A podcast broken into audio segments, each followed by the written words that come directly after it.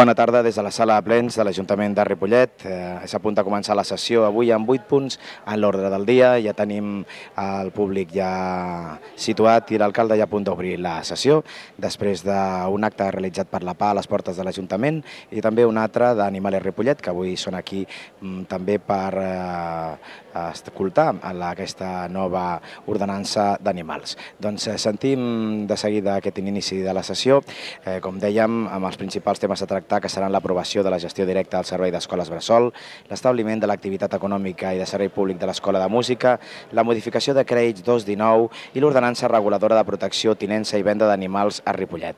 Pel que fa a les mocions, es duran a votació una del Partit Popular contra l'ocupació d'habitatges i la de Ciutadans sobre la seguretat i l'incivisme al barri de Cantiana, Pontvell.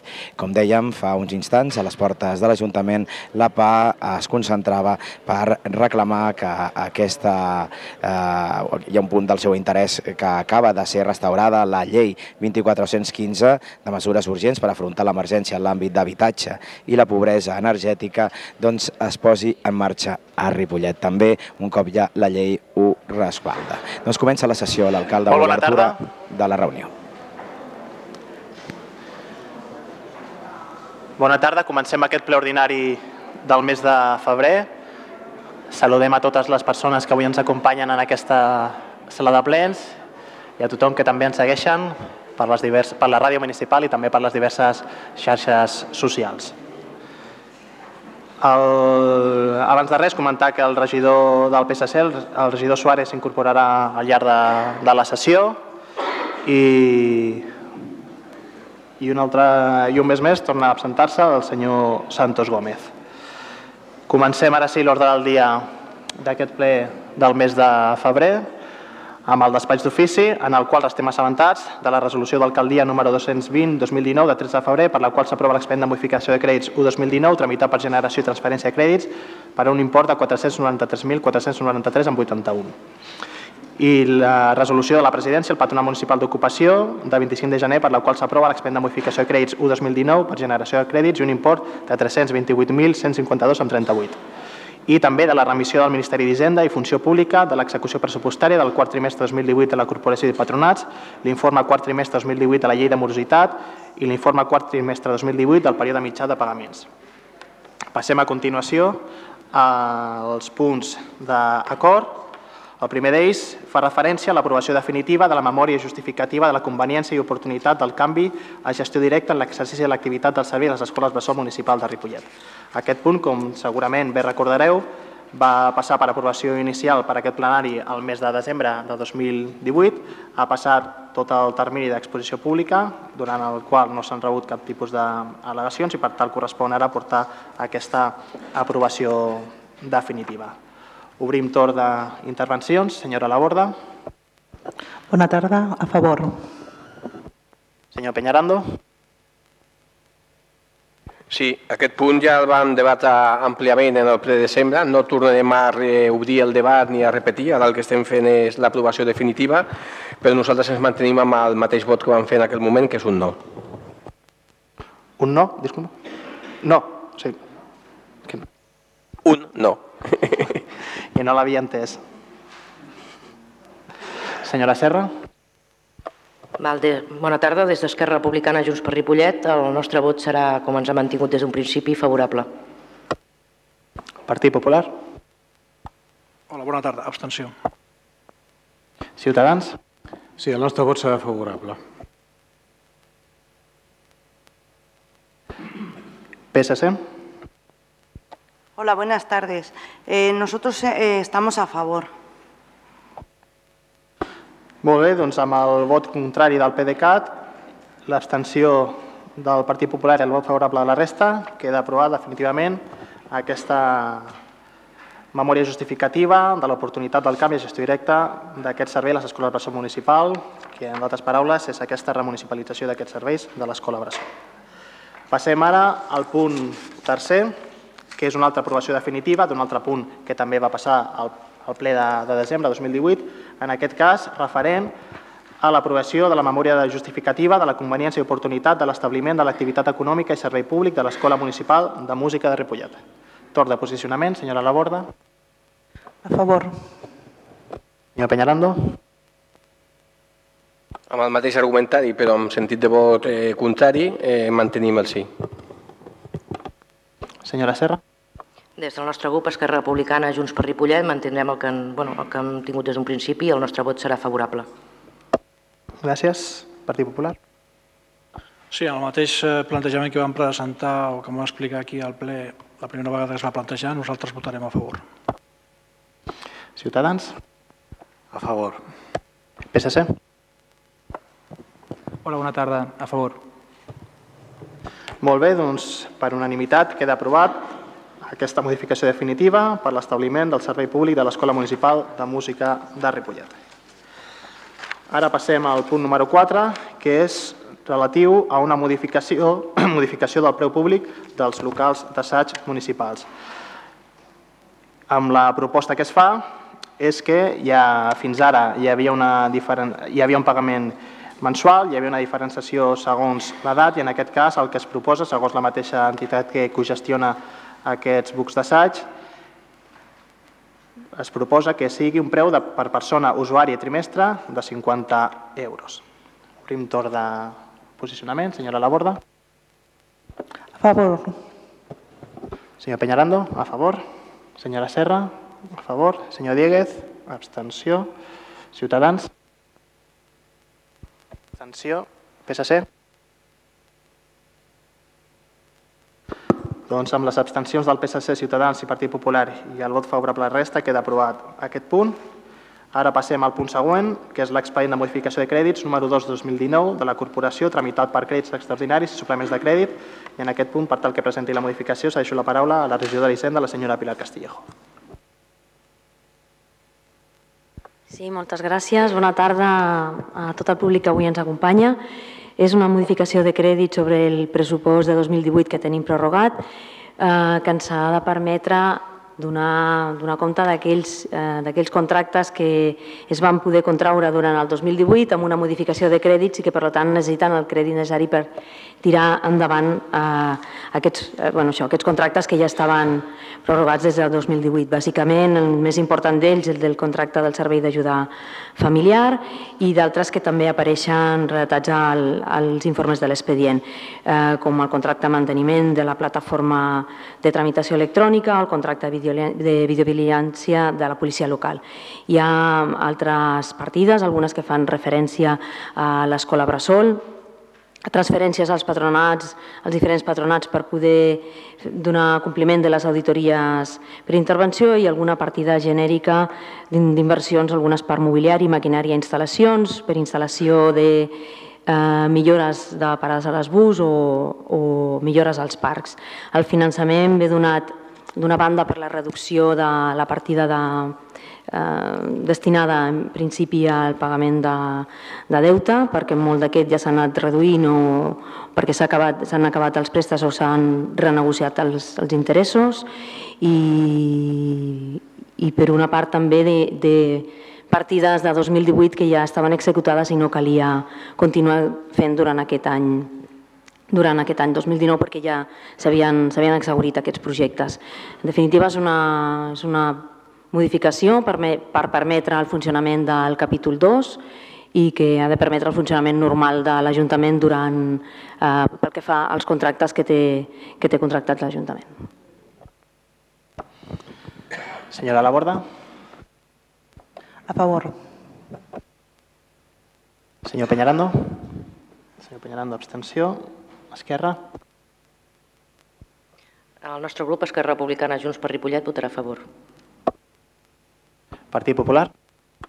Sí, eh, el Partit Popular històricament sempre, independentment inclús de, del govern actual, ja ho havien fet la, anteriors vegades, sempre hem explicat que eh, era just, diguem-ne, com a representants del, de, de, dels veïns de Ripollet, poder tenir una, una, una veu, diguem-ne, i poder dir sí o no a diferents eh, destinacions que fa el govern, qui sigui, eh, amb destí, diguem-ne, a diferents serveis. En el que portem de legislatura doncs, tenim un abús de lo que és una, modificació de crèdit que, com bé ha explicat la primera tenent d'alcalde, hauria de ser simplement eh, quan hi ha partides que han quedat tesaurides o d'altres que no han esgotat tot el seu pressupost, poder destinar-ho a d'altres coses. No és el cas. Eh, S'ha fet un abús i un, un ús i un abús d'aquesta fórmula tornem a dir que no, és, no són les maneres i a més de tenir un, una, una partida, diguem-ne, una, gran quantitat de partides en què es barregen des dels semàfors fins als parcs, afectant a molts eh, dels patronats, la, la partida en conjunt és també d'una quantitat molt gran, eh, clar, impossibilita una expressió democràtica com considerem que seria el que mereixerien els veïns i, per altra banda, també denota la manca de feina a nivell econòmic d'aquest govern en el que respecta no presentar pressupostos i fer les coses d'aquesta manera.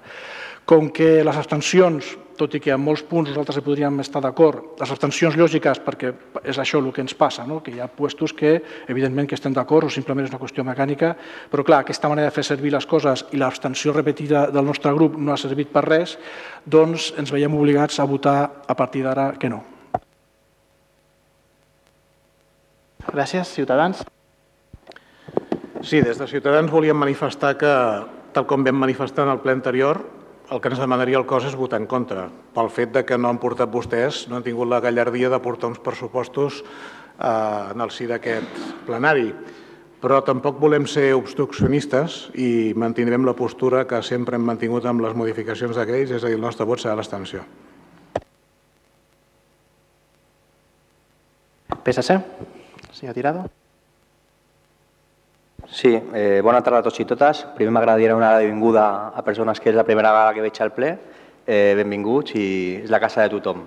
Eh, el nostre grup al darrer ple ja va manifestar el nostre posicionament en quant a la modificació de crèdits de més d'un milió d'euros que es va presentar. Vam votar en contra perquè pensaven que les formes no eren les correctes, que les coses havien de fer d'una altra manera i hem tingut l'oportunitat durant aquest mes de fer les coses d'una altra manera en tenir trobades amb la, amb la regidora, la primera tinent d'alcalde, la senyora Castillejos, per tal de poder analitzar les modificacions de crèdits que es portaran a aquest municipi i poder-les pactar per poder arribar a acords.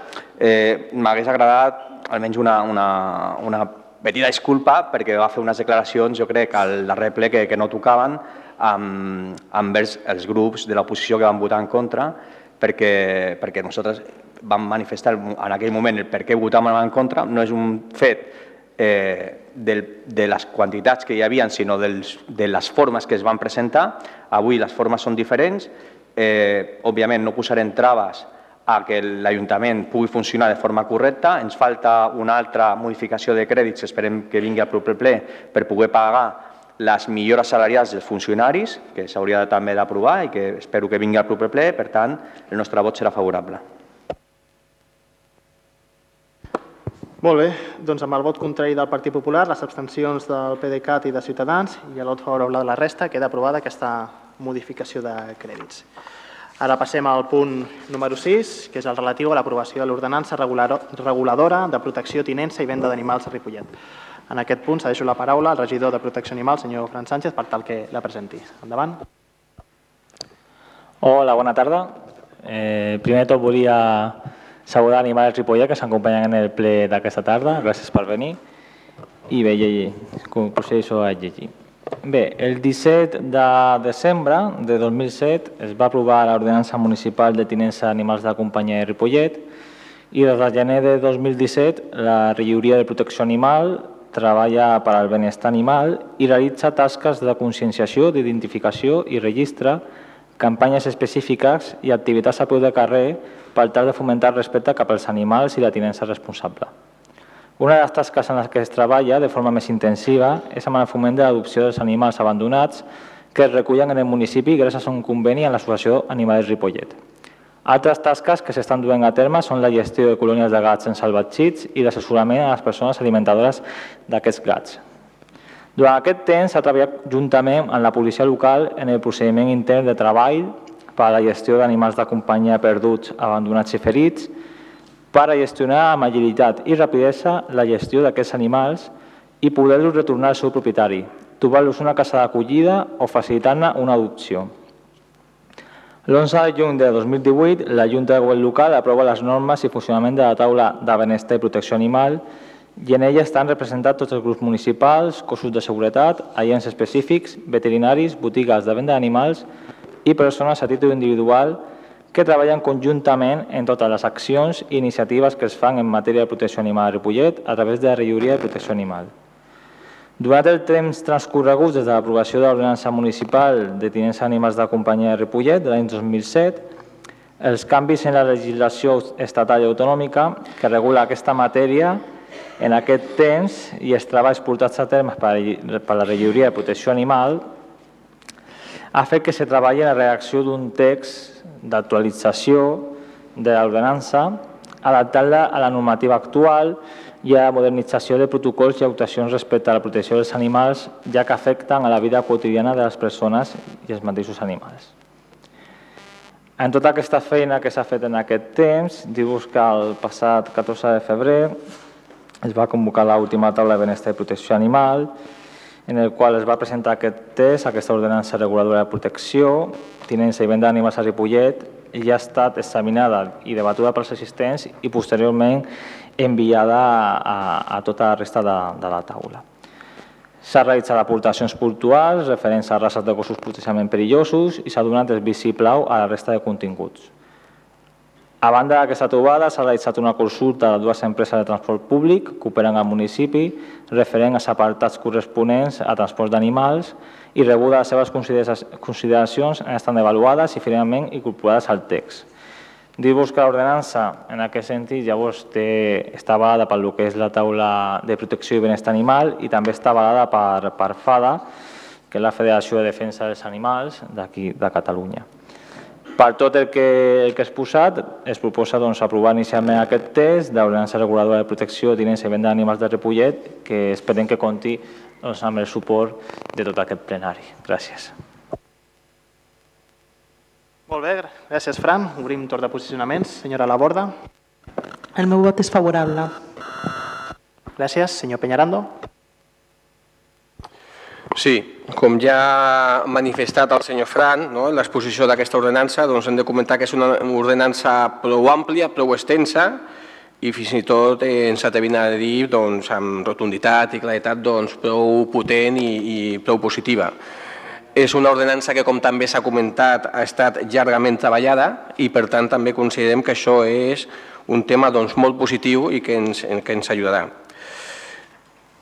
Dit això, també volem dir i comentar-ho clara i obertament eh, al govern en general i molt particular al senyor Fran que governar o aprovar una ordenança no es tracta simplement en fer-se una foto o simplement en aprovar aquesta ordenança, sinó que a més a més s'han de posar els mitjans, s'han d'analitzar quins són els mitjans que es necessiten per eh, tirar-la endavant i sobretot, sobretot, s'ha de tenir la convicció i la fermesa de que aquesta ordenança es, posa, es posarà en marxa. Això significa que amb aquesta ordenança el que estem aprovant són uns drets i unes obligacions pels animals i per les persones que tenen aquests animals que aquests drets i obligacions el que fan és beneficiar de forma eh, absoluta a totes aquelles persones que tenen animals de companyia, a totes aquelles persones que volen tenir un, un tractament especial de, dels animals de companyia o dels animals eh, en general i que per tant és necessari pel respecte d'aquestes agrupacions i d'aquestes persones que han treballat per aquesta moció i pel respecte d'aquestes persones que tracten així els animals, doncs també ser respectuosos i fer complir les normes per a aquells que no ho fan així o per a aquells que no compleixen les ordenances. Per tant, considerem que no aprovar l'ordenança és un punt final, que no el fer-se la foto és el punt final i que no fer una nota de premsa o una roda de premsa és el punt final, sinó que per vostè ha de ser el punt d'inici. I aquest punt d'inici no basta simplement amb el ja l'analitzarem, posarem els mitjans, sinó en tenir-los ja en el moment que aprovem aquesta ordenança. Li recordem a vostè, i ho comentem aquí també públicament, perquè en la negociació dels pressupostos de l'any anterior vam estar comentant temes que anaven no lligats de forma directa, estricta, però sí d'una forma molt indirecta, com és el seguiment d'ADN d'animals, de tenir un cens molt més controlat, i que totes aquestes accions, hores d'ara, s'han fet estudis, li agraïm, li felicitem, però també li diem, i aquí no podem felicitar, si només ve una mica i dit amb, de forma carinyosa, eh, l'hem de renyar, de que anem molt lents en la implantació, en el seguiment i en el tirar endavant tot això. I fixis també que hem dit anem molt lents, no hem dit aquí va o van, eh? he dit anem, però eh, és vostè com a regidor el primer que ha de tirar del carro. Eh, també comentar que avui el que estem fent aquí és l'aprovació inicial. Nosaltres aquesta ordenança la veiem de forma totalment positiva, malgrat tot i malgrat que s'ha participat dels sectors d'una forma més eh, directament vinculats Eh, creiem també que hi ha d'altres eh, sectors que poden donar la seva o que poden fer al·legacions i per tant nosaltres avui el que votarem serà un vot d'abstenció, però un vot d'abstenció estrictament eh, en positiu. Eh? Volem veure quines són les al·legacions que es presenten i en cas de que no hi hagués cap tipus d'al·legació, evidentment en l'aprovació final eh, votaríem a favor i en cas de que hi haguessin aquestes al·legacions doncs ens agradaria molt poder-les analitzar eh, per part d'aquest grup de treball que ha estat molt extens i, i molt llarg. Per tant, el nostre vot serà l'extensió. Gràcies, senyor Peñarando. Senyora Serra, Esquerra. Bé, eh, ara fa tres anys el nostre grup va presentar una moció per tal de treballar pel benestar animal. Des de l'inici s'ha treballat conjuntament per fer efectiva aquesta moció amb el regidor Fran Sánchez i l'associació Animales Ripollet amb l'objectiu de dur a terme noves polítiques per tal de trobar un equilibri, protecció i respecte per la vida animal, així com també per responsabilitzar els propietaris d'animals de qui són els seus drets i les seves, els seus deures i les seves obligacions. Durant aquest temps s'han fet diferents campanyes, s'ha treballat per promoure la tinença responsable d'animals, s'ha implementat un programa de colònies de, de gats, identificant aquestes colònies i el seu control, i a més, i el més important, amb la col·laboració de les seves cuidadores. Sense elles no hagués estat possible. També s'ha constituït la taula animalista, formada per grups polítics, tècnics de la casa, veterinaris, policia local i l'associació Animales Ripollet. Així doncs, avui fem un pas més i passa per aquest, ple, la, per aquest plec l'aprovació inicial de l'ordenança de protecció i tinència d'animals del tot entenem nosaltres que necessària. Des d'Esquerra Republicana Junts per Ripollet volem agrair a tots els que ho han fet possible, a l'equip de govern, al regidor Fran Sánchez, a les tècniques de la casa, policia local, brigada municipal, taula animalista, cuidadores de les colònies de grat i sobretot, sobretot a les companyes d'Animales Ripollet. Volem remarcar la gran feina que fan com a voluntàries d'aquesta entitat i l'esforç que fan dia a dia pels seus peludos, que també són els nostres. Així doncs, nosaltres donarem suport a aquesta ordenança i mantindrem el nostre compromís amb la causa animalista i amb totes vosaltres. Moltes gràcies.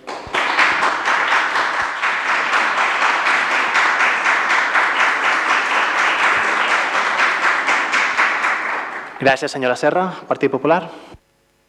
Sí, desde el Partido Popular indicar a cualquiera que nos escuche que se trata de una ordenanza que cualquiera que tenga bueno, pues un, pico, un, poco de sentido común y tenga aprecio por los animales, pues muchísimas cosas de las que aquí se regulan son de sentido común, pero todos tenemos que tener en cuenta que hay personas que evidentemente no tienen el cariño o no tienen la cabeza suficientemente bien amueblada como para que, además de tener un animal, pues bueno, sean capaces de, de cuidarlo. También evidentemente está el tema del control de pues bueno, de los diferentes animales que nosotros tenemos en nuestras calles, eh, hay que hacer control, hay que pedirles a los, a los, propietarios que además del cariño pues tengan una serie de obligaciones legales y de actuaciones, insisto, de sentido común, pero que obviamente han de estar reguladas. Aun teniendo en cuenta que se trata de una mm, aprobación inicial, pero en el en el sentido de que es muy importante que esto se regule, insisto, para aquellos que mm, bueno, no tengan la tentación de maltratar a los animales, por lo menos dentro de nuestro término municipal, la posición del Partido Popular será a favor. Gracias. A favor, ha dicho. Ciutadans, senyor Gavarra. Sí, benvinguda sigui la norma perquè era necessària i pensem que el consens per tirar-la endavant, el nostre vot serà favorable. Gràcies. PSC. Hola, bona tarda un altre cop. Uh, bueno, bona nit. El nostre vot és favorable. Creiem que aquest punt, bueno, aquest, aquesta ordenança és un punt inicial i que creiem que és oportú el, el fet de, de, de tot el treball que s'ha fet i, i, i totes les propostes que s'han presentat. És un treball conjunt i creiem que és el punt d'inici que, que ens portarà que tota la, tota la protecció sobre els animals i, i, i, el, i el civisme que, que s'ha de crear entorn a aquest, uh, aquest espai és, és més adient per, per regular una, una situació que, que és, és molt, molt, o sigui, molt uh, oportuna fer-ho d'aquesta forma. Gràcies. No sé si el senyor Fran Sánchez vol acabar de comentar una qüestió. Primer de tot, donar les gràcies a tots els grups municipals que heu, que heu, que heu fet el, el vot favorable. Comentar també al senyor Peñando que, bueno, que, que jo en cap moment buscut ni fer mala foto ni, ni res, jo que, si, si, ho fa, si ho fem com a equip de govern i com a tota la taula, que, que puc parlar també en nom de la taula, és precisament per convicció, que creiem que, que és molt necessari perquè els animals de la nostra ciutat, els animals en general, però de la nostra ciutat, tenen, han de tenir els mateixos drets que la resta de la ciutadania de Ripollet i això passa doncs, per tenir aquesta ordenança aprovada i sobretot en la convicció de que és una ordenança que internament portem des de dos anys treballant-la. Ha sigut un, un camí llarg perquè també hem pogut adoptar l'ordenança de la realitat de Ripollet, en el qual si aquestes 47 fulles estan reflectides és perquè creiem ferventment de que, de que la podem tirar endavant i que creiem que ha de ser així. No? En, aquest, en aquest aspecte estic totalment d'acord amb vostè en que tenen que tenir els mateixos drets i obligacions eh, els mateixos drets que tenen que tenir els animals i les obligacions de lo que són els seus propietaris. No? I tothom que ha de tenir un animal doncs, el té que tenir ben cuidat, el té que tenir xipat i el té que tenir sensat, i no només això, sinó que ha de tenir una tinença responsable. Eh, en, quant, en quant al tema de l'ADN de les caques, com veurà vostè a l'ordenança, sí que, sí que es tracta el tema i de fet el document, bueno, aquella reunió que vam tenir i vam, i vam consensuar i vam fer arribar un, un document en el qual sí que és, que és un estudi en el qual podrien implementar el tema de l'ADN de les caques i dic amb tot el meu carinyo i li vaig enviar per veure què li semblava i encara estic esperant que em contesti però tot, tot i així doncs, ens puguem veure i, i, i ho podem tractar. De tota manera, ja he dit que l'ordenança ja, ja es visualitza i també és una cosa a tenir en compte de que, de que necessitarem pressupost nou, en el que en un futur pressupost doncs es pot mirar d'incorporar aquesta partida d'ADN que veiem que és molt correcta i molt adient de fer. Eh, no, vull acabar, però no vull acabar sense donar les gràcies a totes les persones doncs, que han fet possible de que es pugui aprovar inicialment aquesta ordenança, que és a, a l'Associació Animals Ripollet. Gràcies per la feina que feu, perquè ningú sap la feina que feu, però és, és una feina que són 24 hores per 24 hores per des dels nostres animals, conjuntament amb policia local, que moltíssimes gràcies als dos a les persones que acompanyen avui, perquè gràcies a aquest protocol que tenim tan potent hem aconseguit que més de la meitat dels animals que anaven a la Societat Protectora d'Animals de Mataró remanguin a Ripollet a una casa d'acollida i això és només un petit exemple de la feina que feu i que us donem les gràcies de veritat i que continueu així. Donar les gràcies a la taula de protecció i benestar animal, donar les gràcies a Esquerra Republicana que en forma part, tant al Jordi com la Lourdes de substituta, donar les gràcies al grup municipal del PP especialment a la Cristina, que és la representant que ve. Donar també les gràcies, torno a repetir, a Policia Local, a, al Santi Gil, que és el representant dels veterinaris de la ciutat, que ve, que ve a, les, a les taules, a FADA, a les persones també a títol individual, que s'acompanyen també, a Núria, a l'Anna, a les alimentadores de gats, que també les tenim per aquí, que hem après moltíssim d'elles i que a més feu una feina que tampoc ningú sap el que feu, però que si no fos per vosaltres, molts dels nostres gats a la nostra ciutat doncs no estarien cuidats, perquè encara que siguin gats ferals, estan molt ben cuidats i a més és això, gràcies a vosaltres, Protecció Civil, a Mònica Laborda, al senyor Lluís Tirado també per, per l'interès que ha mostrat aquestes últimes setmanes per, per l'ordenança, també li he de dir, i sobretot vull fer un petit prec que crec que és important a tota la resta de grups municipals que si plau que us hi sumeu a la taula de benestar i protecció animal, que ja sapigueu que pot anar un regidor, una regidora o una persona que sigui de grup municipal, perquè crec que mentre més siguem, més podrem sumar i més, poder, i més, més, més, més coses podem fer a favor dels, dels animals de la ciutat. Gràcies. Molt bé.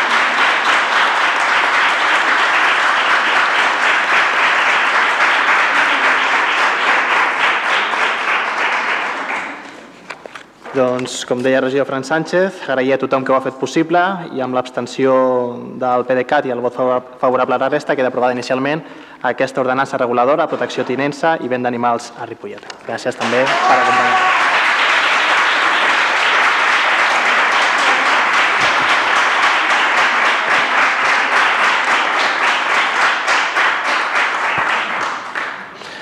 Seguim en l'ordre del dia del ple. Ara ja passem al punt de les mocions. N'hi ha dues a l'ordre del dia. La primera presentada pel grup del Partit Popular, relativa a combatre ocupació il·legal d'habitatges, garantir el dret a la propietat, la seguretat de persones i la convivència. Senyor Díguez, endavant. Sí, solo indicar desde el Partido Popular que el texto no lo hemos cambiado, a pesar de que el texto es previo a la convocatoria de elecciones, pero el problema en Ripollet no, todavía sigue igual, no ha cambiado, y nuestra posición, por lo menos la del Partido Popular, eh, tampoco, y esperamos que esta posición pues, bueno, sea eh, bueno, finalmente aprobada en Madrid, pero, insisto, para solucionar problemas de Ripollet. Eh, la moción es para combatir la ocupación ilegal de viviendas, garantizar el derecho de propiedad, la seguridad de las personas y bienes y la convivencia social. La existencia de viviendas ocupadas de forma ilegal en Ripollet y los recientes acontecimientos en nuestro entorno han aumentado la lógica preocupación de los vecinos en todos nuestros barrios. El Partido Popular ha anunciado la presentación en el Congreso de los Diputados de una proposición de ley orgánica destinada a combatir la ocupación ilegal de viviendas que garantice el derecho de propiedad, la seguridad de personas y bienes y la convivencia social. En su articulado se establece, entre otras medidas, que la policía, eh, léase la autoridad pública y sus agentes, podrá desalojar la vivienda ocupada ilegalmente en un plazo express de 24 horas, sin necesidad de esperar varios meses como hasta ahora, y refuerza el delito de usurpación, pasando de una multa a pena de privación de libertad de uno a tres años. Frente a la pasibilidad e incluso la permisividad de los mal llamados alcaldes del cambio, esta proposición de ley, de aprobarse, evitaría situaciones como la del Patio Maravillas de Madrid o que se produzcan hechos tan lamentables como el, el ocurrido el pasado 5 de enero de este año en Badalona, donde murieron tres vecinos de un inmueble a consecuencia de una sobrecarga eléctrica provocada por el pinchazo ilegal de unos ocupas que vivían además de forma ilegal en un edificio, edificio del barrio de San Roque, insisto, en Badalona. Estos ayuntamientos, lejos de promover una política efectiva de vivienda, se han dedicado a consentir una usurpación de la propiedad que no es justificable en ningún caso, pues se trata de una ilegalidad en contra del derecho constitucionalmente reconocido que es la propiedad. Cuando una ocupación ilegal hay un acto contrario a derecho. No puede ser que estas políticas de cambio se basen en considerar la ocupación ilegal como una situación tolerable o admisible, como no lo es cualquier otra ilegalidad. Combatir el alarmante y creciente problema de la ocupación de viviendas, luchar contra las mafias y la delincuencia asociada a la misma y garantizar así la propiedad privada, la convivencia, la seguridad, son los motivos principales que impulsan esta iniciativa normativa en el Congreso de los Diputados. Aunque en la última década se han acortado sustancialmente los plazos judiciales para el desalojo de viviendas, el problema de la ocupación genera alarma en la sociedad española y el número de viviendas ocupadas no deja de aumentar. Además, el fenómeno ha generado la instauración de mafias en la ocupación y la utilización de muchos de estos inmuebles para actividades delictivas. Como ejemplo, eh, por, explicarlo, en la Comunidad de Madrid había 4.472 viviendas ocupadas, 498 más que un año antes, a septiembre de 2018. La mayoría de estos inmuebles se encuentran además en la capital. Estas cifras se reproducen de manera similar en otras grandes capitales españolas. La proposición de ley define por primera vez de forma clara la ocupación ilegal e impide que los ocupas se intenten amparar en resquicios legales o en derechos que asisten al ciudadano que actúa legalmente para cometer este atentado contra la propiedad privada. Para ello, se permite que las autoridades públicas y sus agentes intervengan dentro del espacio ocupado para proceder al desalojo. La autoridad pública podrá desalojar las viviendas ocupadas ilegalmente en un plazo de 24 horas.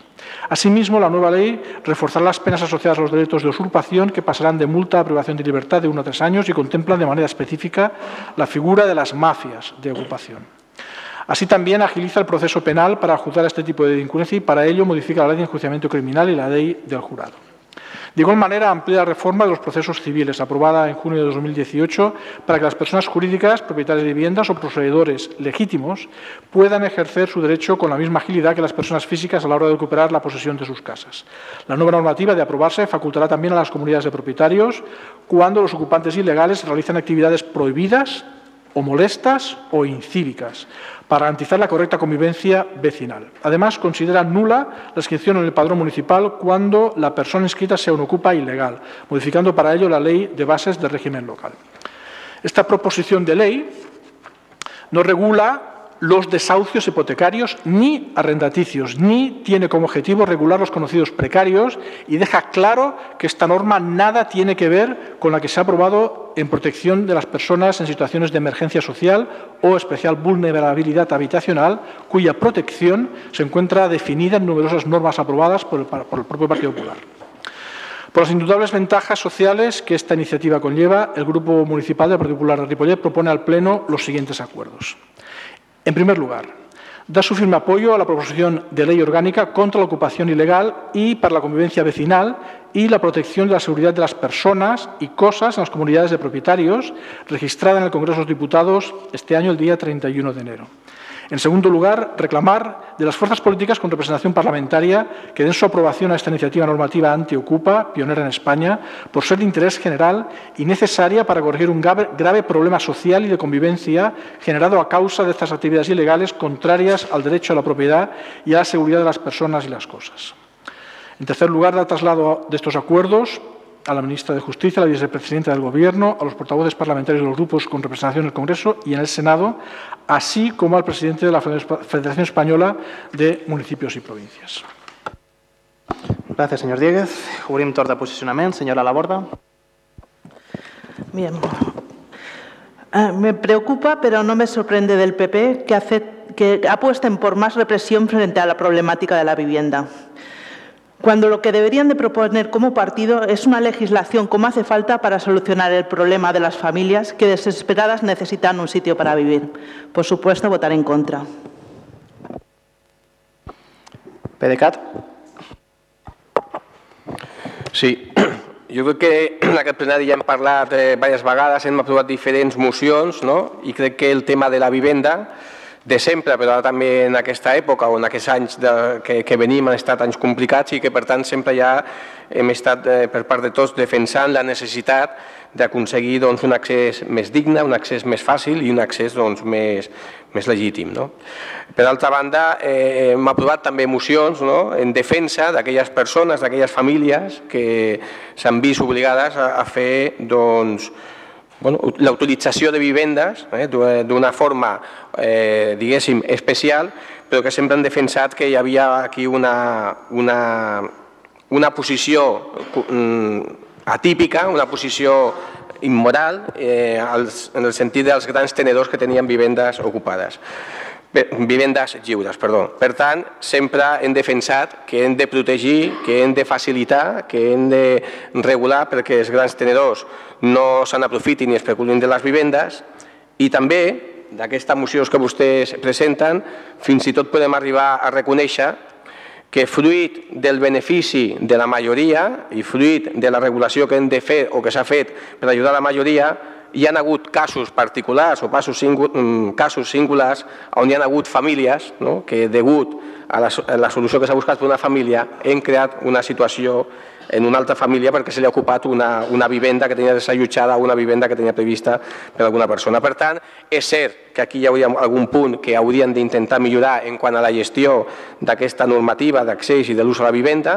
Mm, torno a dir, no estic defensant ni l'especulació, no, no podem defensar que no es facin l'ocupació i hem de vetllar perquè els grans tenedors no especulin amb aquestes vivendes. No? Ara bé, Dit tot això, nosaltres aquesta moció no la podem, no la podem recolzar ni com està, no la podem recolzar perquè, com deia la, la Mònica, encara que en un altre sentit creiem que s'ha de fer amb una legislació i amb una regulació que sigui justa, però no tan sols demanant eh, lliurement que, que qualsevol, contra qualsevol tipus d'ocupació i per tant votarem en contra. I si em permet també, senyor Dieguez, no? i també per distensionar una miqueta, perquè sembla que en aquests dies també és un moment de tensió, fins i tot votarem avui en contra de, de vostès, per, eh, en contra de la moció que presenten vostès, més que res perquè no vingui després qualsevol mandamàs de Madrid i li acusi a vostè de cavall de Troia per aprovar algú amb el recolzament dels indepes. O sigui que, per tant, fins i tot avui ho farem per fer-li un favor, no votarem al seu favor i el nostre vot serà negatiu. Gràcies, senyor Peñarando. Senyora Serra. Bé, quan es parla d'ocupació de pisos cal tenir en compte les situacions que hi ha darrere de cada cas i no es pot posar a tothom en el mateix sac. Cal donar resposta al greu problema habitacional que tenim i oferir solucions als nostres ciutadans i ciutadanes que es troben en situacions econòmiques molt complicades i sense un habitatge digne. Cal preveure les conseqüències de que es vegin al carrer i això cal que sigui prioritari. Propostes com aquestes no donen cap resposta a tots aquests col·lectius tan vulnerables ni aprofundeixen a les diferents problemàtiques de fons. Per tant, el nostre grup, Esquerra Republicana, Junts per Ripollet, votarà en contra d'aquesta moció. Gràcies. Ciutadans.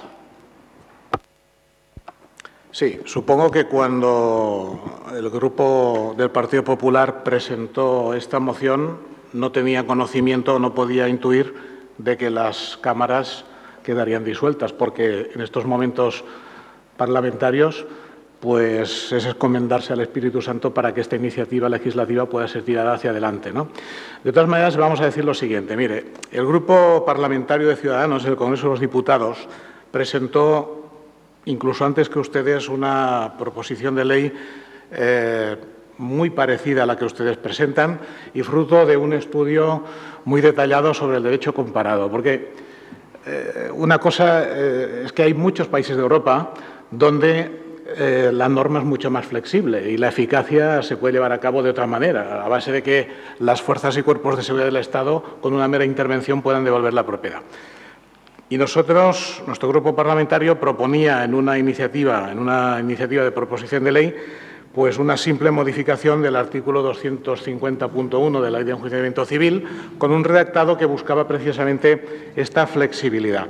Pero bueno, bienvenido sea, eh, ya sé que esto no va a ser posible que pueda aprobarse por el momento parlamentario, pero nuestro voto, mm, como no podía ser de otro modo, será favorable. PSC. Señor Molina. Hola, buenas tardes. Eh, en primer lugar, sobre la moción que ha presentado el Partido Popular, aunque nosotros no, no estamos eh, posiblemente en contra del, del derecho de la propiedad, la defensa del derecho a propiedad, que es una defensa totalmente legítima, la moción que se presenta en el, entorno que, se produce actualmente eh, creo que es muy oportunista, por un lado. Por otro lado, sí que es verdad que genera posiblemente este tipo de, ocupación eh, igual intereses que hay que combatir como son las posiblemente mafias que hay. Se tiene que garantizar posiblemente también la conveniencia vecinal y posiblemente también, en el fondo, se tiene que garantizar la propiedad privada de las personas, siempre y cuando no es un tema o sea un tema especulativo.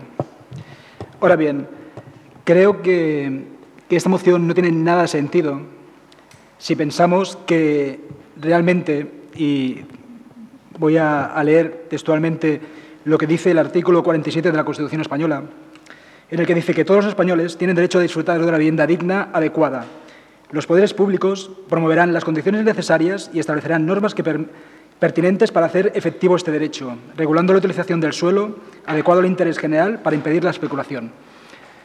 Bien, aquí que hace mención este artículo al título primero de Derechos y Derechos Fundamentales, capítulo tercero de los principios rectores de la política social y económica, se incumplen eh, varios de los principios que actualmente deberían, primero, que la, sociedad no está, eh, la sociedad va mucho más avanzada de lo que establece una norma, una norma que data del 1978 y que no ha hecho o no se ha dado una, evolución con respecto a lo que demanda la sociedad, que es que no se especule, que todas las personas tengan derecho a una vivienda digna y que no se, eh, se aproveche, que haya un aprovechamiento por parte de, de entidades, ya sean bancarias, de entidades promotoras, de grandes empresas que especulan y que trabajan con la dignidad de las personas.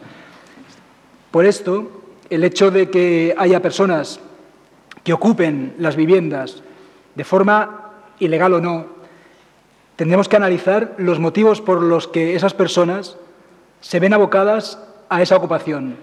No seguramente todas las personas que realizan esta ocupación son o presentan las mismas necesidades y una norma general en la que simplemente por el hecho de que se ocupe una vivienda, sin tener en cuenta las necesidades de cada persona las necesidades que posiblemente se hayan visto provocadas, en las que la precariedad laboral, en las que eh, el hecho de que se queden sin empleo, el, hecho de que no puedan acceder a una vivienda en la que los precios son muy por encima del, mercado, por la eh, ineficiencia de los partidos políticos, de todos los partidos políticos, que no se ponen de acuerdo en regular una situación que es en beneficio de todos y que dejan que esta regulación esté en manos del mercado, de un mercado que simplemente lo único que hace es especular y restringir los derechos de las personas, entendemos que nosotros no podemos votar a favor de esta moción.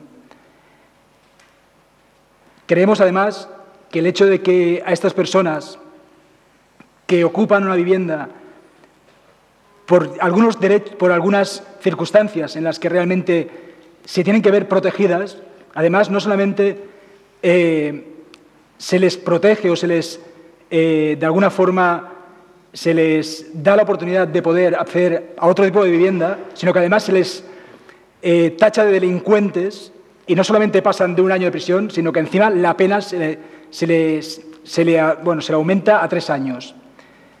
Cuando realmente quien presenta esta moción, que es un partido corrupto, que realmente tendrían que estar todos en la cárcel, las fuerzas ni los eh, tribunales hacen nada porque un partido que nos ha llevado a la corrupción, un partido que está demostrado que ha metido las manos en las arcas públicas, está impune y sigue haciendo sus políticas. Por lo tanto, nuestro voto es en contra. Gràcies, senyor Molina. Per part de Decidim, senyora Reyes Muñoz. Bé, bona nit a totes. Eh, aniré una miqueta amb la línia no? que parlem la resta. No? Aquesta moció que presenta el PP és clarament un retrocés en matèria processal i de drets a les persones més vulnerables. I és que al final aquesta suposa en realitat l'augment de les dificultats habitacionals de la població i major desprotecció front al risc d'exclusió residencial. I és que el PP no només va rescatar la banca amb els impostos de, amb els impostos de tota la població, sinó que a més no va exigir-ne absolutament res a canvi. I veiem com passen els anys i, continu i continuen legislant contra les famílies més vulnerables. Que sàpiguen que la raó per la qual les famílies sense alternativa accedeixen a habitatges buits és senzillament per no quedar-se al carrer, si vol, li torno a repetir, per no quedar-se al carrer. Actualment, el nostre territori pateix un dèficit de parc dedicat a l'habitatge social, tot i que a poc a poc es fa pal·liant amb mesures força humils i gens eh, i, i força insuficients. Um, volem deixar clar que les ocupacions i les màfies existeixen, però, sincerament, són estadísticament residuals. Per tant, criminalitzar les recuperacions ciutadanes d'habitatge és populista i molt miserable. Realment, el percentatge de vivendes identificades com a problemàtiques és baix i es treballa amb els departaments com el de la policia local i el de serveis socials. Però saben que no és gens residual? Ja ho he explicat abans, la falta d'habitatge social, per exemple, o els milions pagats a la banca sense exigir-ne absolutament res, ni els fons buitres que fan i desfan el que volen al nostre territori, ni la bombolla de lloguer que estem patint actualment. Per tot això, el nostre vot serà totalment en contra. Molt bé. No sé si el grup proposant vol comentar davant. Sí, Eh, en primer lugar, desde el Partido Popular, eh, como no puede ser de otra manera, la primera palabra tiene que ser de agradecimiento, especialmente al Grupo de Ciudadanos que ha dado su apoyo a nuestra moción. En segundo lugar, eh, nombrar una palabra que para nosotros es muy importante, que nosotros hemos incluido en la moción, a pesar de que es una moción que viene desde fuera, y es la palabra Ripollet.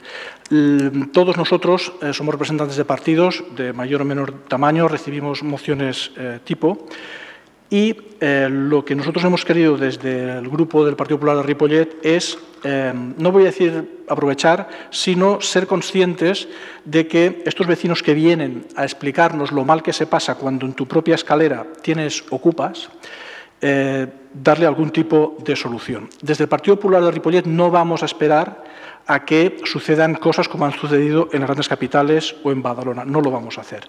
Lo que nosotros hemos hecho es traer al Pleno eh, pues esta propuesta y, por último, hacer una puntualización eh, que para nosotros es muy importante. Lo dice la moción, pero mm, mm, para nosotros es muy importante porque cosas que escuchamos no tienen que ver con lo que nosotros estamos explicando. Nos importa mucho explicar una vez más, insisto, lo dice el texto de la moción, que no debe confundirse la lucha contra las formas de delincuencia y legalidades, que aquí se deja claro que existen, contra o, o mezclar eso con los, vecinos que puedan tener problemas económicos y que necesitan de protección. Lo que nosotros estamos presentando no tiene nada que ver. Se trata de tomar medidas contra la ocupación ilegal. Lo único que estamos haciendo no es, insisto, no estamos regulando contra el denominado precario, contra las personas que tienen problemas, sino que estamos desde el Partido Popular de Ripollet no quedándonos en las palabras, tomando algún tipo de decisión iniciativa para luchar, insisto, contra las mafias y contra los problemas que en Ripollet, por desgracia, sufrimos por culpa de este problema. Es la puntuación que quería hacer, que no tiene, que que no en absoluto se trata de mezclar los temas, sino luchar contra un problema que aquí sufrimos. Molt bé, doncs senyor, cap més intervenció. Amb el vot favorable del Partit Popular i Ciutadans i el vot contrari de la resta, queda rebutjada aquesta moció. Passem a la segona i última moció, en aquest cas presentada pel grup de Ciutadans, relativa a la proposta d'un pla de xoc per aturar la degradació i l'incivisme al barri de Cantiana Pompvell. Qui la presentarà? Senyora Pérez, endavant. Bona tarda a tots i totes. Passo a llegir la moció. Eh, atesa la bueno, eh, moció en proposta d'un pla de xoc per aturar la degradació a l'incivisme al barri de Cantiana Pompvell. Eh, el grup bueno, exposició de motius Atès a l'altíssim preu que Ripollet paga en la reparació dels danys provocats pel vandalisme i altres conductes incíviques, en especial al barri de Cantiana Pombel. Atès el dany intangible que l'incivisme i la brutícia als espais públics d'aquest barri causa el benestar de les persones, a la imatge de Ripollet i a la seva promoció comercial. Atès que cal implementar polítiques efectives per reduir els efectes de, la, de les actituds incíviques en les seves variades formes, atès que la lluita contra la brutícia i l'incivisme requereix una actitud, una actitud exemplar de part de l'Ajuntament. Malgrat que al nostre entendre només a través de les estratègies de participació ciutadana i de corresponsabilització es podran consolidar polítiques efectives per aturar la degradació ciutadana al barri de Cantiana Pombel. Tot i que les mesures coercitives no són ni l'única ni la millor estratègia per acabar amb els comportaments incívics i s'ha de tenir especial cura en no caure en l'estigmatització fàcil de cap col·lectiu ni per raó d'edat ni d'origen. L'actual situació de degradació de l'espai públic del barri de Cantiana Pombel, feta palesa en les queixes veïnals, són els motius per als que els grups municipals de l'Ajuntament de Ripollet acorden Primer, implementar un pla de xoc per aturar la degradació i l'incivisme al barri de Cantiana Pombel que tingui prioritàriament a les següents necessitats. Inspecció del compliment de les obligacions contractuals a l'empresa concessionària del contracte de netella. Assenyalar els punts negres de les ubicacions més afectades per brutícia i incivisme. Implementar els dispositius policials que s'escaigui per fer complir les ordenances municipals aplicant les sancions establertes revisar a l'alça les sancions per incompliment de les ordenances municipals i establir elements de progressivitat en tot l'àmbit municipal. Campanya informativa clara que inclogui les sancions que s'aplicaran que arribi a totes les cases de la població. Màxim rigor en l'exigència de compliment de la normativa urbanística que s'ha de sumar a l'actitud exemplar de l'Ajuntament. Segon, destinar, si el Govern planteja uns pressupostos municipals per a aquest exercici, les partides suficients per afrontar les actuacions aprovades. I tercer, donar compte dels resultats d'aquesta moció a totes les associacions veïnals de la població. Gràcies. Obrim torn d'intervencions. Senyora Laborda. Sí, a favor. PDeCAT. Sí, nosaltres evidentment votem a favor. Jo crec que lluitar contra l'incivisme, lluitar contra que no hi hagi degradació en els nostres barris, tots estem d'acord. És més, nosaltres que no entenem molt bé, bueno, podem arribar a pensar pel que es fa, però no entenem molt bé perquè això ho fem com, només pel barri de Tiana. No? Jo crec que això hauria de ser per tot el municipi, el fet de que no hi hagi degradació i que no hi hagi incivisme. Per tant, votem que sí aquesta moció, però sincerament s'assembla una moció bastant buida de contingut. Gràcies. Esquerra. Bé, eh, nosaltres, eh, el nostre grup no creu que la solució de, al barri de Cantiana Pombell sigui el que proposa el grup de Ciutadans. No creiem que un barri es millori o es dignifiqui castigant o sancionant. Aquesta no, creiem que no és la solució, cal, cal una solució integral al barri, eh, amb la participació de l'Ajuntament, veïns, veïnes, entitats, associacions, comerciants, grups polítics, etc. i entre tots treballar per, per tal de millorar-ho, de millorar per tal de, doncs, de poder revertir el greuge que pateix aquest barri des de fa molts anys. Per tant, el nostre vot serà contrari. Gràcies. Partit Popular. Sí, des del Partit Popular entenem que, bueno, doncs, benvingut la, les, les mocions com aquesta. Nosaltres és el que considerem que hem de fer com a, com a plenari, preocupar-nos de Ripollet, dels, seves, dels seus veïns, dels seus carrers i dels seus barris. Per tant, eh, bé, nosaltres tenim una percepció també de lo que estan dient els veïns allà, eh, com, com és normal, nosaltres afegiríem i trauríem coses, les diríem d'una altra manera, però insisteixo, benvingut eh, tot el que sigui treballar per Ripollet i el nostre vot serà a favor. PSC, senyora Llà. Bé, bona tarda. Mm, nosaltres, eh, com a grup municipal, aquesta moció ens ha provocat un gran debat, ho dic així, entre nosaltres, bàsicament per diversos, per diversos motius. Un, perquè la considerem oportunista. Eh, a dos mesos d'unes eleccions municipals, a presentar en un plenari un pla de xoc per a un barri que tots que estem aquí sabem i coneixem que té una situació que s'ha d'intervenir i nosaltres també ho tenim claríssim, no ho considerem oportú. Això primera. Penso que és fer mm, demagogia i fer electoralisme, perquè realment eh, les mocions a aquestes alçades amb un pla de xoc, quan es podia haver presentat fa 4 anys o fa 3 anys, i segurament tots ens haguéssim posat a remengat i fer alguna cosa entre tots, perquè realment sí que fa falta. Per altra banda, quan es parla d'un pla de xoc, no és un pla de xoc en tema d'urbanisme o incivisme, sinó també realment saber què és el que està passant al barri, quines són les condicions que viu la gent, què és el que provoca que hi hagi aquest incivisme o aquesta falta d'estimar-se de, de, al barri i de fer-se el seu als espais públics i penso que realment valorem que és, una, és molt poc ambiciós presentar un, deixar anar un pla de xoc i fem l'incivisme, l'urbanisme i punto pelota, perdó, la, la, la frase.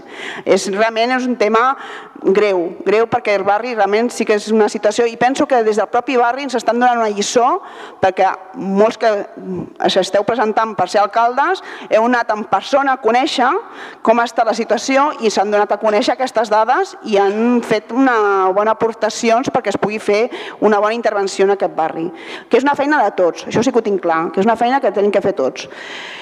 Què votar? Doncs pues mira, estenim, ens estenim. No votarem en contra perquè seria anar en contra de, de l'objectiu que sí que ens interessa que, que hi hagi aquest tema i que espero que en el proper govern que surti i el proper plenari que surti en el mes de juny eh, siguem capaços de tirar endavant un pla de xoc cap a aquest barri i per altra banda eh, no votarem en, en, en contra amb aquest sentit però no estem a favor perquè la volarem que és una, totalment oportunisme ara presentar aquesta moció. Gràcies. Senyor Fontanals. Bé, bona tarda.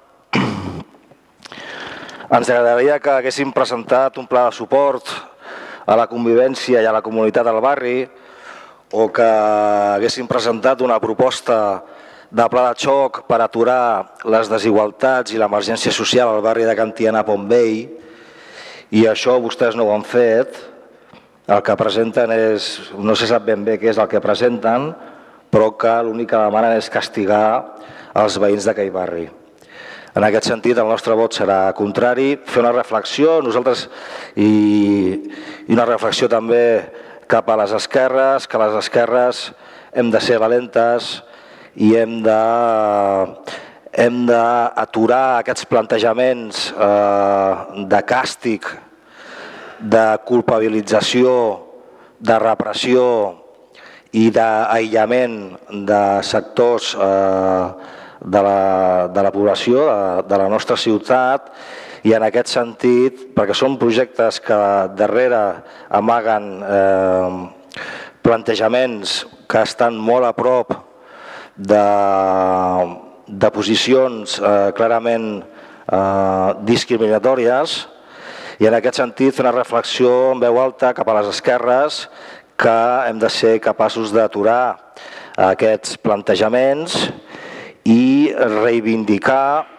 i reivindicar plans de xoc per aturar les desigualtats i l'emergència social, que és la base de, de com estan distribuïdes les condicions materials i socials dels nostres veïns a la ciutat. I aquest és el tema, és el tema de fons. Evidentment, aquesta és una proposta que s'ha presentat que, que no és cap proposta, perquè no proposa res, l'únic que proposa és castigar, i evidentment això és una mesura electoralista enfocada cap a, cap a aquest barri. Eh, crec que és molt trist eh, que els únics plantejaments que es tenen cap a aquest barri eh, siguin presos des d'aquest punt de vista. Tampoc es sorprèn, i en aquest sentit, doncs, tot el que sigui tirar endavant polítiques socials i polítiques participatives, que és on està la base de la resposta, doncs allà ens hi trobarem. Eh, també explicar doncs, que eh, a Pont Vell s'està fent un treball important on el primer que es fa és preguntar. El primer que s'ha de fer als veïns i veïnes és preguntar i a partir d'aquí posar-nos a treballar. Però presentar propostes buides que l'únic que, que, que posen sobre la taula és el càstig, Vostès amb la seva moció aquesta que no diu res, parlen de polítiques socials, etc etc etc. no n'han dit cap, no n'han proposat cap, només han parlat de càstigs i sancions i que, sobretot, que tota, tota la ciutat s'enteri de qui castiguem i a qui sancionem. Aquesta és la, la, la seva proposta. El nostre vot serà contrari. Hi ha alguna qüestió? Senyor Gavarra? Sí, per al·lusions. Mireu, L'objectiu d'aquesta moció no era ni guanyar-la ni perdre, era posar blanc sobre negre el que pensa cadascú dels partits, perquè ja va bé que els veïns dels barri s'assabentin del que pensa cadascú de nosaltres. Ens parla el PSC de demagògia i d'oportunisme i ens diu que fa quatre anys s'havia d'haver parlat d'aquest tema. I per què no fa 12 anys? Vostès es pensen que el barri de Cantiana Pontvell ve de fa quatre anys? El problema no, ve de quan vostès governaven quan governava el PSC i Convergència. Aquests problemes són endèmics del barri. I vostès, quan governaven, no van fer absolutament res. M'entén? Això sí que és demagògia. No van fer absolutament res. I això els hi recordarem a tots els veïns del barri. Ens parla el senyor Fontanals de que és una, una moció buida de contingut. Escolti, un servidor, juntament amb algun regidor del meu grup, vam anar a l'espai a l'escenari que va organitzar la Gresca per trepitjar el barri, i hem anat altres vegades amb altres aspectes, i és curiós veure com gent que anava a la seva llista fa quatre anys ara els critiquen obertament perquè diuen que no han tingut la valentia i la gallardia d'afrontar els problemes reals del barri. Gent que anava a la seva llista, no veïns que ningú coneix, no, gent que anava a la seva llista, recordi-ho bé, que obertament, davant del públic, ens deien que no havien tingut la valentia suficient de tirar-ho endavant. Pensem que hi han grups que es volen presentar a les properes eleccions municipals que tenen una gran desconnexió amb la realitat. Els convidem a que passegin una miqueta més pel barri i que parlin amb els veïns i segurament es donaran compte dels problemes reals que pateix Cantiana Bonvell. Gràcies. Si no hi ha cap més qüestió, amb els vots favorables de Ciutadans, Partit Popular, PDeCAT i la regidora no escrita, l'abstenció del PSC i el vot contrari de Decidiment Esquerra, queda rebutjada aquesta moció. Ara ja passem a l'últim punt de cada ple, el punt de pregs i preguntes. Comencem. Senyora Laborda. No? Senyor Peñarando. Sí, per part del nostre grup tenim tres preguntes i un prec. Eh, la veritat és que les dues primeres preguntes són ja reiteratives. No? Una és, les dues primeres ja les van demanar en el darrer ple, ja se'ns va dir que se'ns respondria eh, de forma ràpida i la primera d'elles fins i tot els hi hem de dir clara i obertament. Eh, crec que ja ens estan faltant el respecte i és la pregunta concreta que els hi vam demanar amb la reunió que van tenir amb els representants de la Conselleria d'Ensenyament. Recordem reunió que van començar tres quarts d'hora gairebé, perdó, gairebé mitja hora tard, gairebé mitja hora tard, reunió que se'ns va dir ràpidament que les dades que havien demanat, que sí, que sí, que això ho teníem i vaja, el dia següent ens ho passaven per e-mail, que ho van demanar en el darrer ple i que hores d'ara no ens han demanat. Si és un tema de l'equip de govern municipal, ens ho diguin. I, és un I si és un tema del govern o de la Conselleria d'Ensenyament que no passen les dades, que ens ho diguin, perquè el que no entenem és com la Conselleria d'Ensenyament venen aquí, es fan el seu tour i ara no ens passen les dades. I era la senyora Esther, ens va dir que el dia següent ens ho passarien a través de vostès i la veritat és que no sabem si és govern de la Generalitat, govern municipal. Però complir amb la paraula a vegades és molt més fàcil que tot això. Si us plau, donin resposta. I igualment, una pregunta que els hi van fer amb el tema dels pisos buits, dels expedients, i que senyora Reyes ens va dir a l'acabar el ple que ens ho passaria, li vam agrair que, ens, que fos així, i passat el ple, o passat un mes i tornat un nou ple, tornem a estar en el mateix, el mateix punt.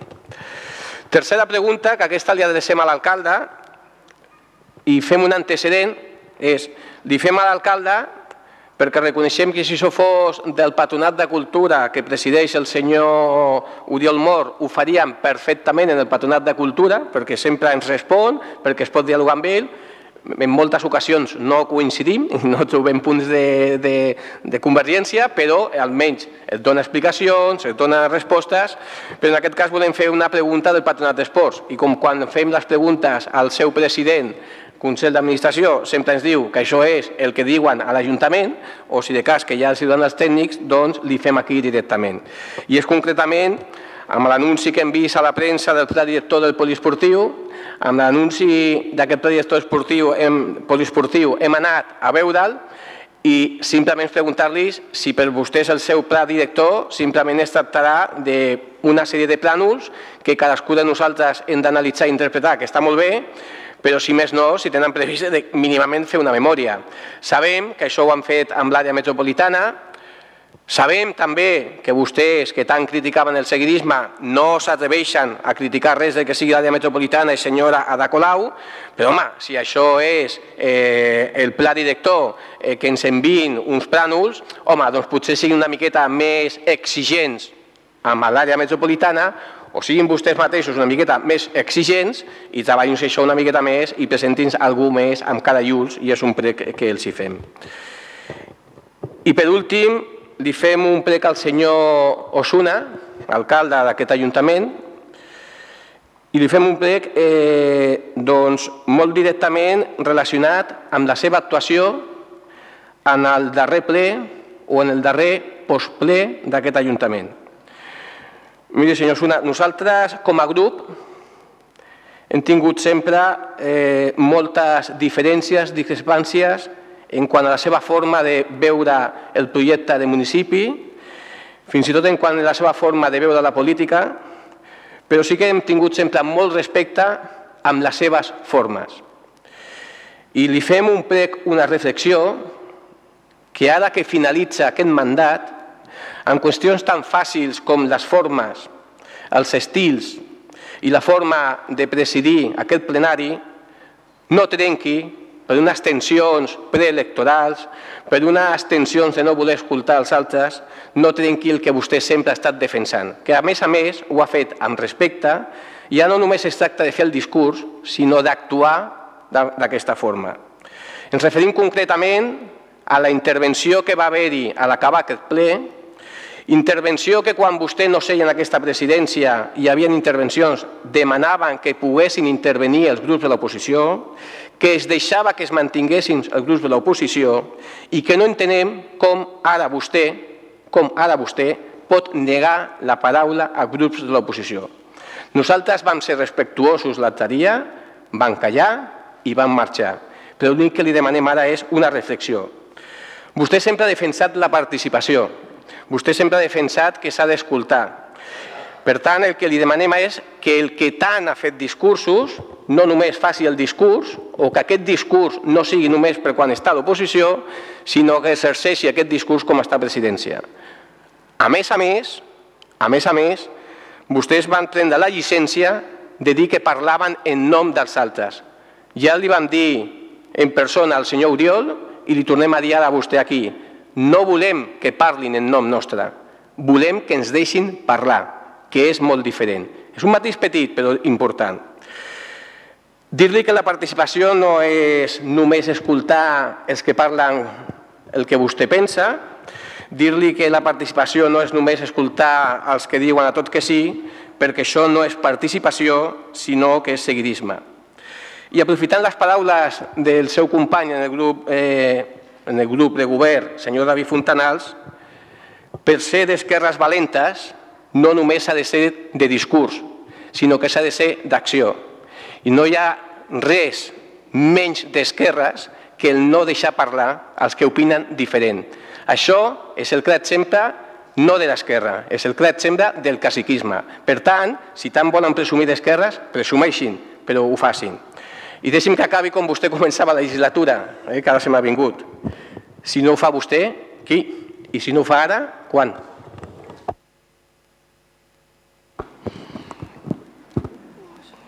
M'encanta que recordi les meves paraules ja de tot, tota la vida. Eh, senyora Serra? No? Senyor Díguez? Ciutadans? Endavant. Sí, volíem fer-li un prec o una pregunta al senyor alcalde. Fruit, fa una setmana vaig tenir l'ocasió de parlar amb un grup d'avis i em van fer palesa quelcom que jo no m'havia donat compte. I és que la població de pardals a Ripollet ha desaparegut. No tenim pardals.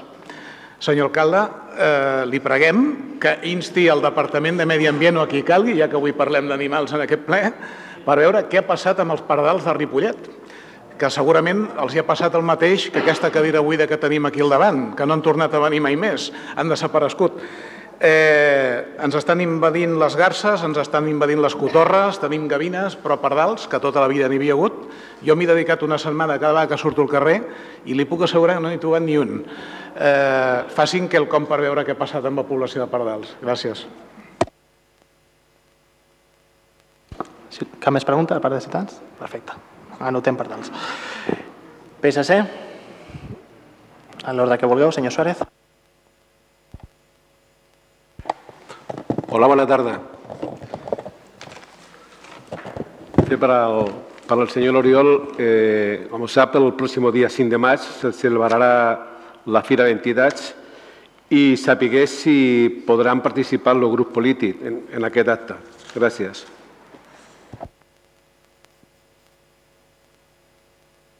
Següent. Següent. Autogestioneu-vos. Vaig jo. Uh, no és que ens hem posat així una mica liats. Uh, nosaltres volíem fer una pregunta en relació, bueno, uh, en relació al pla de mobilitat, amb si des del govern quines accions s'han fet al voltant del que és la Ronda Nord, que sortien al pla de mobilitat, que s'hauria de fer, bueno, que es farien una sèrie d'actuacions i volíem conèixer el grau d'efectivitat d'aquestes. Escoltat, Fran? Sí, sí. Era sobre la Ronda Nord. No, és que Ai, sembla que no, que no he escoltat. Vale. Eh, sí, jo tinc eh, dues preguntes. La primera és eh, a la regidora al Reis Muñoz. Hem tingut alguna trobada amb algun veí dels pisos de protecció oficial de l'Avinguda Catalunya que s'han manifestat, manifestat alguna queixa referent a, als 70, crec que van ser 74 pisos de lloguer social que es van, que es van, que es van donar.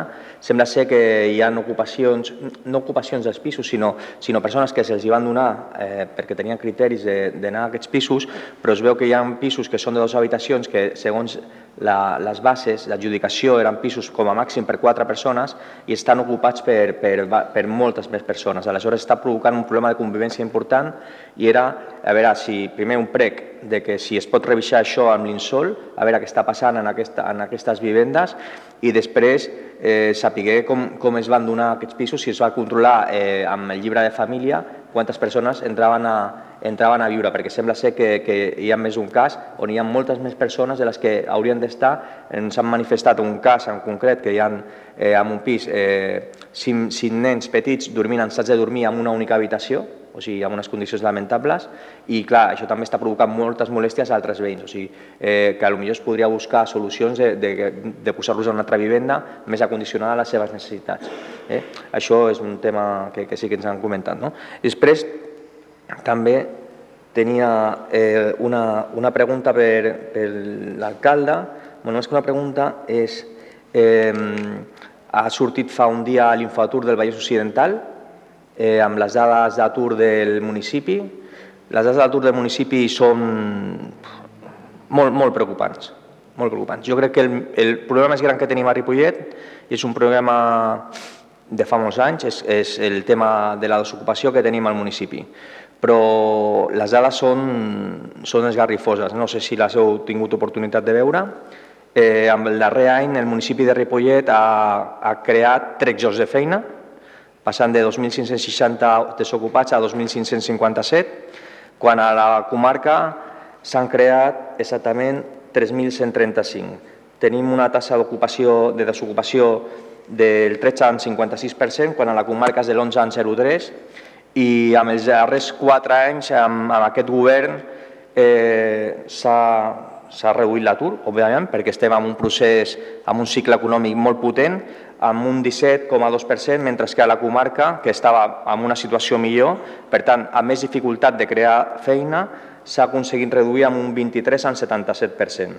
Tenim un problema molt greu, molt greu amb, amb la població gran, amb població de més de 55 anys, on tenim una tassa d'atur molt elevada, del 27 al 76%, un atur de llarga duració, eh, un atur en, en, endogàmic que, que, és, que no s'està aconseguint revertir, Eh, les polítiques del govern estan sent incapaces de poder revertir això. També un problema molt important amb l'atur eh, més juvenil, dels, dels, dels, 17, dels 16 als 29 anys, amb un 14,61 i sobretot també un atur molt important, són la segona població del Vallès amb atur més alt també amb, amb, amb les dones, amb un atur també molt elevat.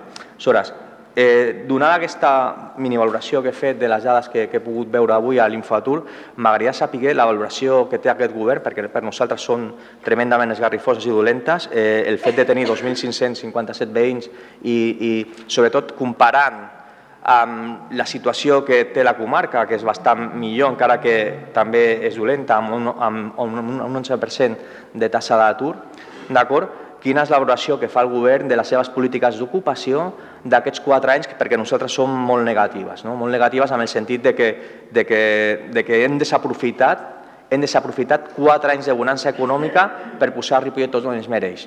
Eh, Ripollet continua sent la tercera ciutat del Vallès eh, amb la tassa d'atur més elevada i, tal com he dit, amb, tema, amb, amb dones i amb persones majors de 55 anys, la segona.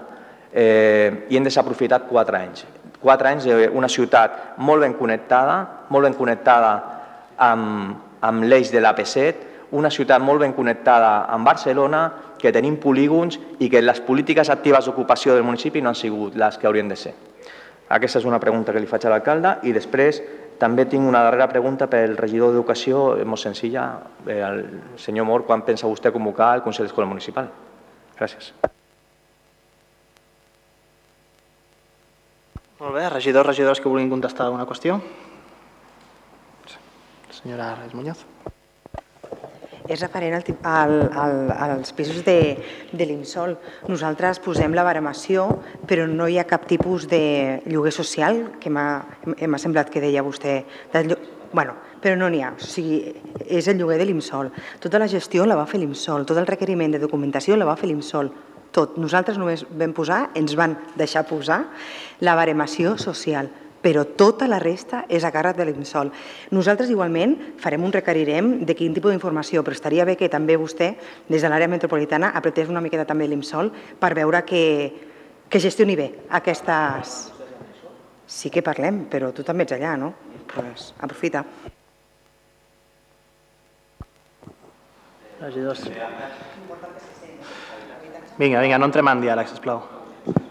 Eh, senyor Ramiro Moldes, senyor Tirado, senyora Muñoz, sisplau. Senyor Moldes. Puc? Gràcies.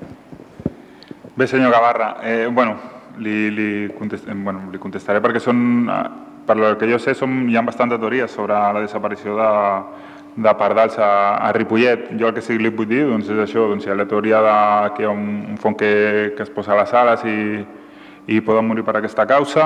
La proliferació de, de garça i cotorra, doncs això també utilitza el mateix espai, sembla que, que també és una preocupació. Jo li derivaria a Torreferusa, que és, que és l'espai referent al, al Vallès, allà hi ha gent rural, si ha ornitoles de referència, doncs, que, doncs, perquè pugui informar-se o comentar-li al veí doncs, que, que es pugui informar sobre aquest tema. L'Ajuntament de Ripollet no tenim cap estudi sobre, sobre això i si no, doncs derivi a, a, a Medi Ambient de, de l'Ajuntament que l'atendrem sense cap problema. Gràcies. I després, doncs, amb el pla director, doncs bé, si vol parlar, si vol tindre d'intermediador senyor Peñarando a l'alcalde, doncs faci-ho, però eh, si no vol parlar amb mi, doncs no tinc, no tinc res a fer. Igualment, doncs, el pla director sí que li respondré a l'alcalde, si li vol respondre a vostè, que aquest pla director sí que va acompanyat d'un projecte que estan elaborant en aquest, en aquest mateix moment els, els tècnics de, de l'àrea metropolitana, que ara mateix estem en un procés de, de parlar amb entitats i població doncs, per veure l'acceptació i les modificacions que puguin, que puguin presentar, igual que els grups de, de l'oposició i, i del Consell d'Administració, doncs, allà teniu el projecte, el, el pla director, doncs, perquè, perquè el podeu veure i, i opinar i si, i si escau doncs, al Consell d'Administració debatre'l. Gràcies. Senyor Mor. Bé, eh, sabia que em preguntaries per això. Avui he trucat a, al departament per preguntar això perquè nosaltres no, no teníem...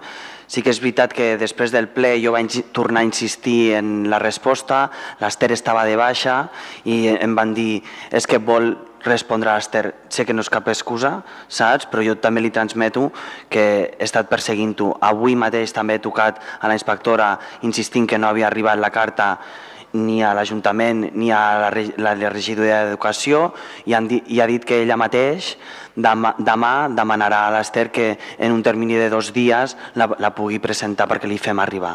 Val?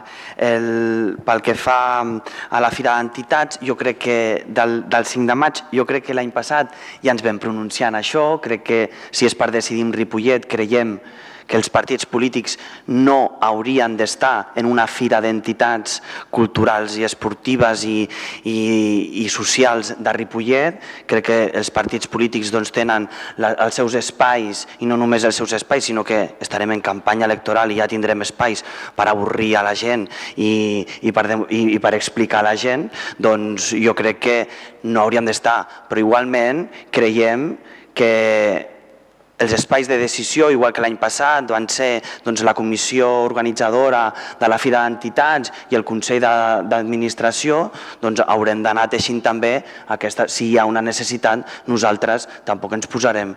Jo crec que ha de ser el que decidim en els nostres espais d'organització. Ah, I pel que fa al Consell Escolar, eh, des de les direccions ens van demanar que abans de convocar un Consell Escolar convoquéssim una comissió d'ensenyament i és una mica el que estem planificant ara per, per poder-la convocar, però igualment farem les dues convocatòries, Comissió d'Ensenyament i Consell Escolar, en, en, en breu, estem tancant les dades. Vale? Si no hi ha cap més qüestió, jo per part meva, pel que fa al pla director del poliesportiu, el regidor ja l'he dit, està a disposició de tothom qui el vulgui consultar, com em consta que hi ha alguns grups han anat a consultar-ho i a, a parlar-ne. És un pla director, és el primer pas, per tant, per posteriorment, si li donem l'hoquei, doncs començar a fer tot el projecte eh, executiu per part de la mateixa àrea metropolitana, com em consta que també crec que ja s'està començant a fer. No obstant, jo sí que crec eh, positiu que en el proper Consell d'Administració del, del PAME doncs, es pugui comentar aquest tema i explicar en què consisteix aquest pla director perquè tots els membres d'aquest Consell d'Administració en tinguin la, la informació. Eh, I pel que fa a la valoració del senyor Tirau, del grup socialista, de les polítiques d'ocupació d'aquest municipi, doncs amb les dades amb la mà, és cert, no podem estar contents, no podem estar satisfets amb les dades d'atur que hi ha, ni les d'ara, ni les de fa 4 anys, ni les de fa 8 anys. Això és cert. Jo no crec que hagin estat 4 anys de, desaprofitats, eh, ni molt menys perquè tota la tasca que s'ha fet des del Patronat d'Ocupació i en general en tot l'àmbit de desenvolupament econòmic ha estat molt i molt gran, com realment vosaltres sabeu, perquè teniu la informació, en el mateix patronat s'ha exposat en repetides ocasions els diferents plans d'ocupació que es fan, totes les línies de formació, d'orientació, tot el pla de polígons, és a dir, anualment hi ha al voltant de plans d'ocupació d'unes contractacions d'unes 100 persones. Tenim el pla d'acció de, de polígons, hem fet tota aquesta diagnosi de la situació dels nostres polígons, cosa que gairebé eh, partíem de, de zero, no hi havia tota aquesta anàlisi coherent i sistematitzada de com estaven els nostres polígons industrials. S'ha fet aquesta diagnosi i s'ha fet el pla d'acció per no quedar-nos en la diagnosi, sinó dir, val, i a partir d'ara, quines són les accions que cal fer i, i, i entre d'altres doncs, això també s'ha materialitzat en aquesta demanda de subvencions d'un milió d'euros, una acció conjunta amb l'Ajuntament de Montcà i Reixac, a la Diputació de, de Barcelona i que de fet a, tot, a les administracions supramunicipals que també anem, principalment eh, Diputació de Barcelona, Àrea Metropolitana, Generalitat, el SOC, doncs valoren eh, molt positivament totes les accions i, la, i les feines i els recursos que s'estan destinats des de l'Ajuntament, des de l'àmbit i des del patronat en aquestes polítiques d'ocupació. Dades en la mà doncs, són millonables, per suposat, per suposat. També és cert que des dels municipis, amb les competències i recursos que tenim, doncs, eh, esperar que se li pugui donar eh, la volta d'una forma tan substantiva com ens agradaria a aquesta situació d'atur, doncs la veritat eh, tampoc és, és del tot eh, possible. Es tracta de, de fer tot el que està a les nostres mans i jo crec que hem complert amb, amb escreix les, en aquest àmbit i en aquestes polítiques la voluntat d'aquest govern municipal perquè, com dèiem, polítiques d'ocupació, polítiques d'orientació, eh, també amb el nou PFI que hi ha, que, que hi ha hagut del tema administratiu, que és aquesta incorporació també pel que comentava de polítiques d'ocupació més dirigides als, als joves. S'ha fet retornant al tema dels polígons, hem aconseguit que al desembre es creés l'associació d'empresaris que també està creixent, cada cop hi ha més eh, empreses interessades, més persones emprenedores interessades en aquesta associació, està creixent, valoren en general eh, positivament aquests passos que s'estan donant, però és cert que les dades segueixen sent les dades, també les dades una mica les carrega el, el diable, jo també les últimes que, que tenia, i és malgrat algunes coses que comentaves, les últimes que tenies, tot i que ara no les tinc aquí recollides, sí que és cert que la diferència d'índex d'atur de Ripollet respecte a la comarca de Catalunya havia disminuït.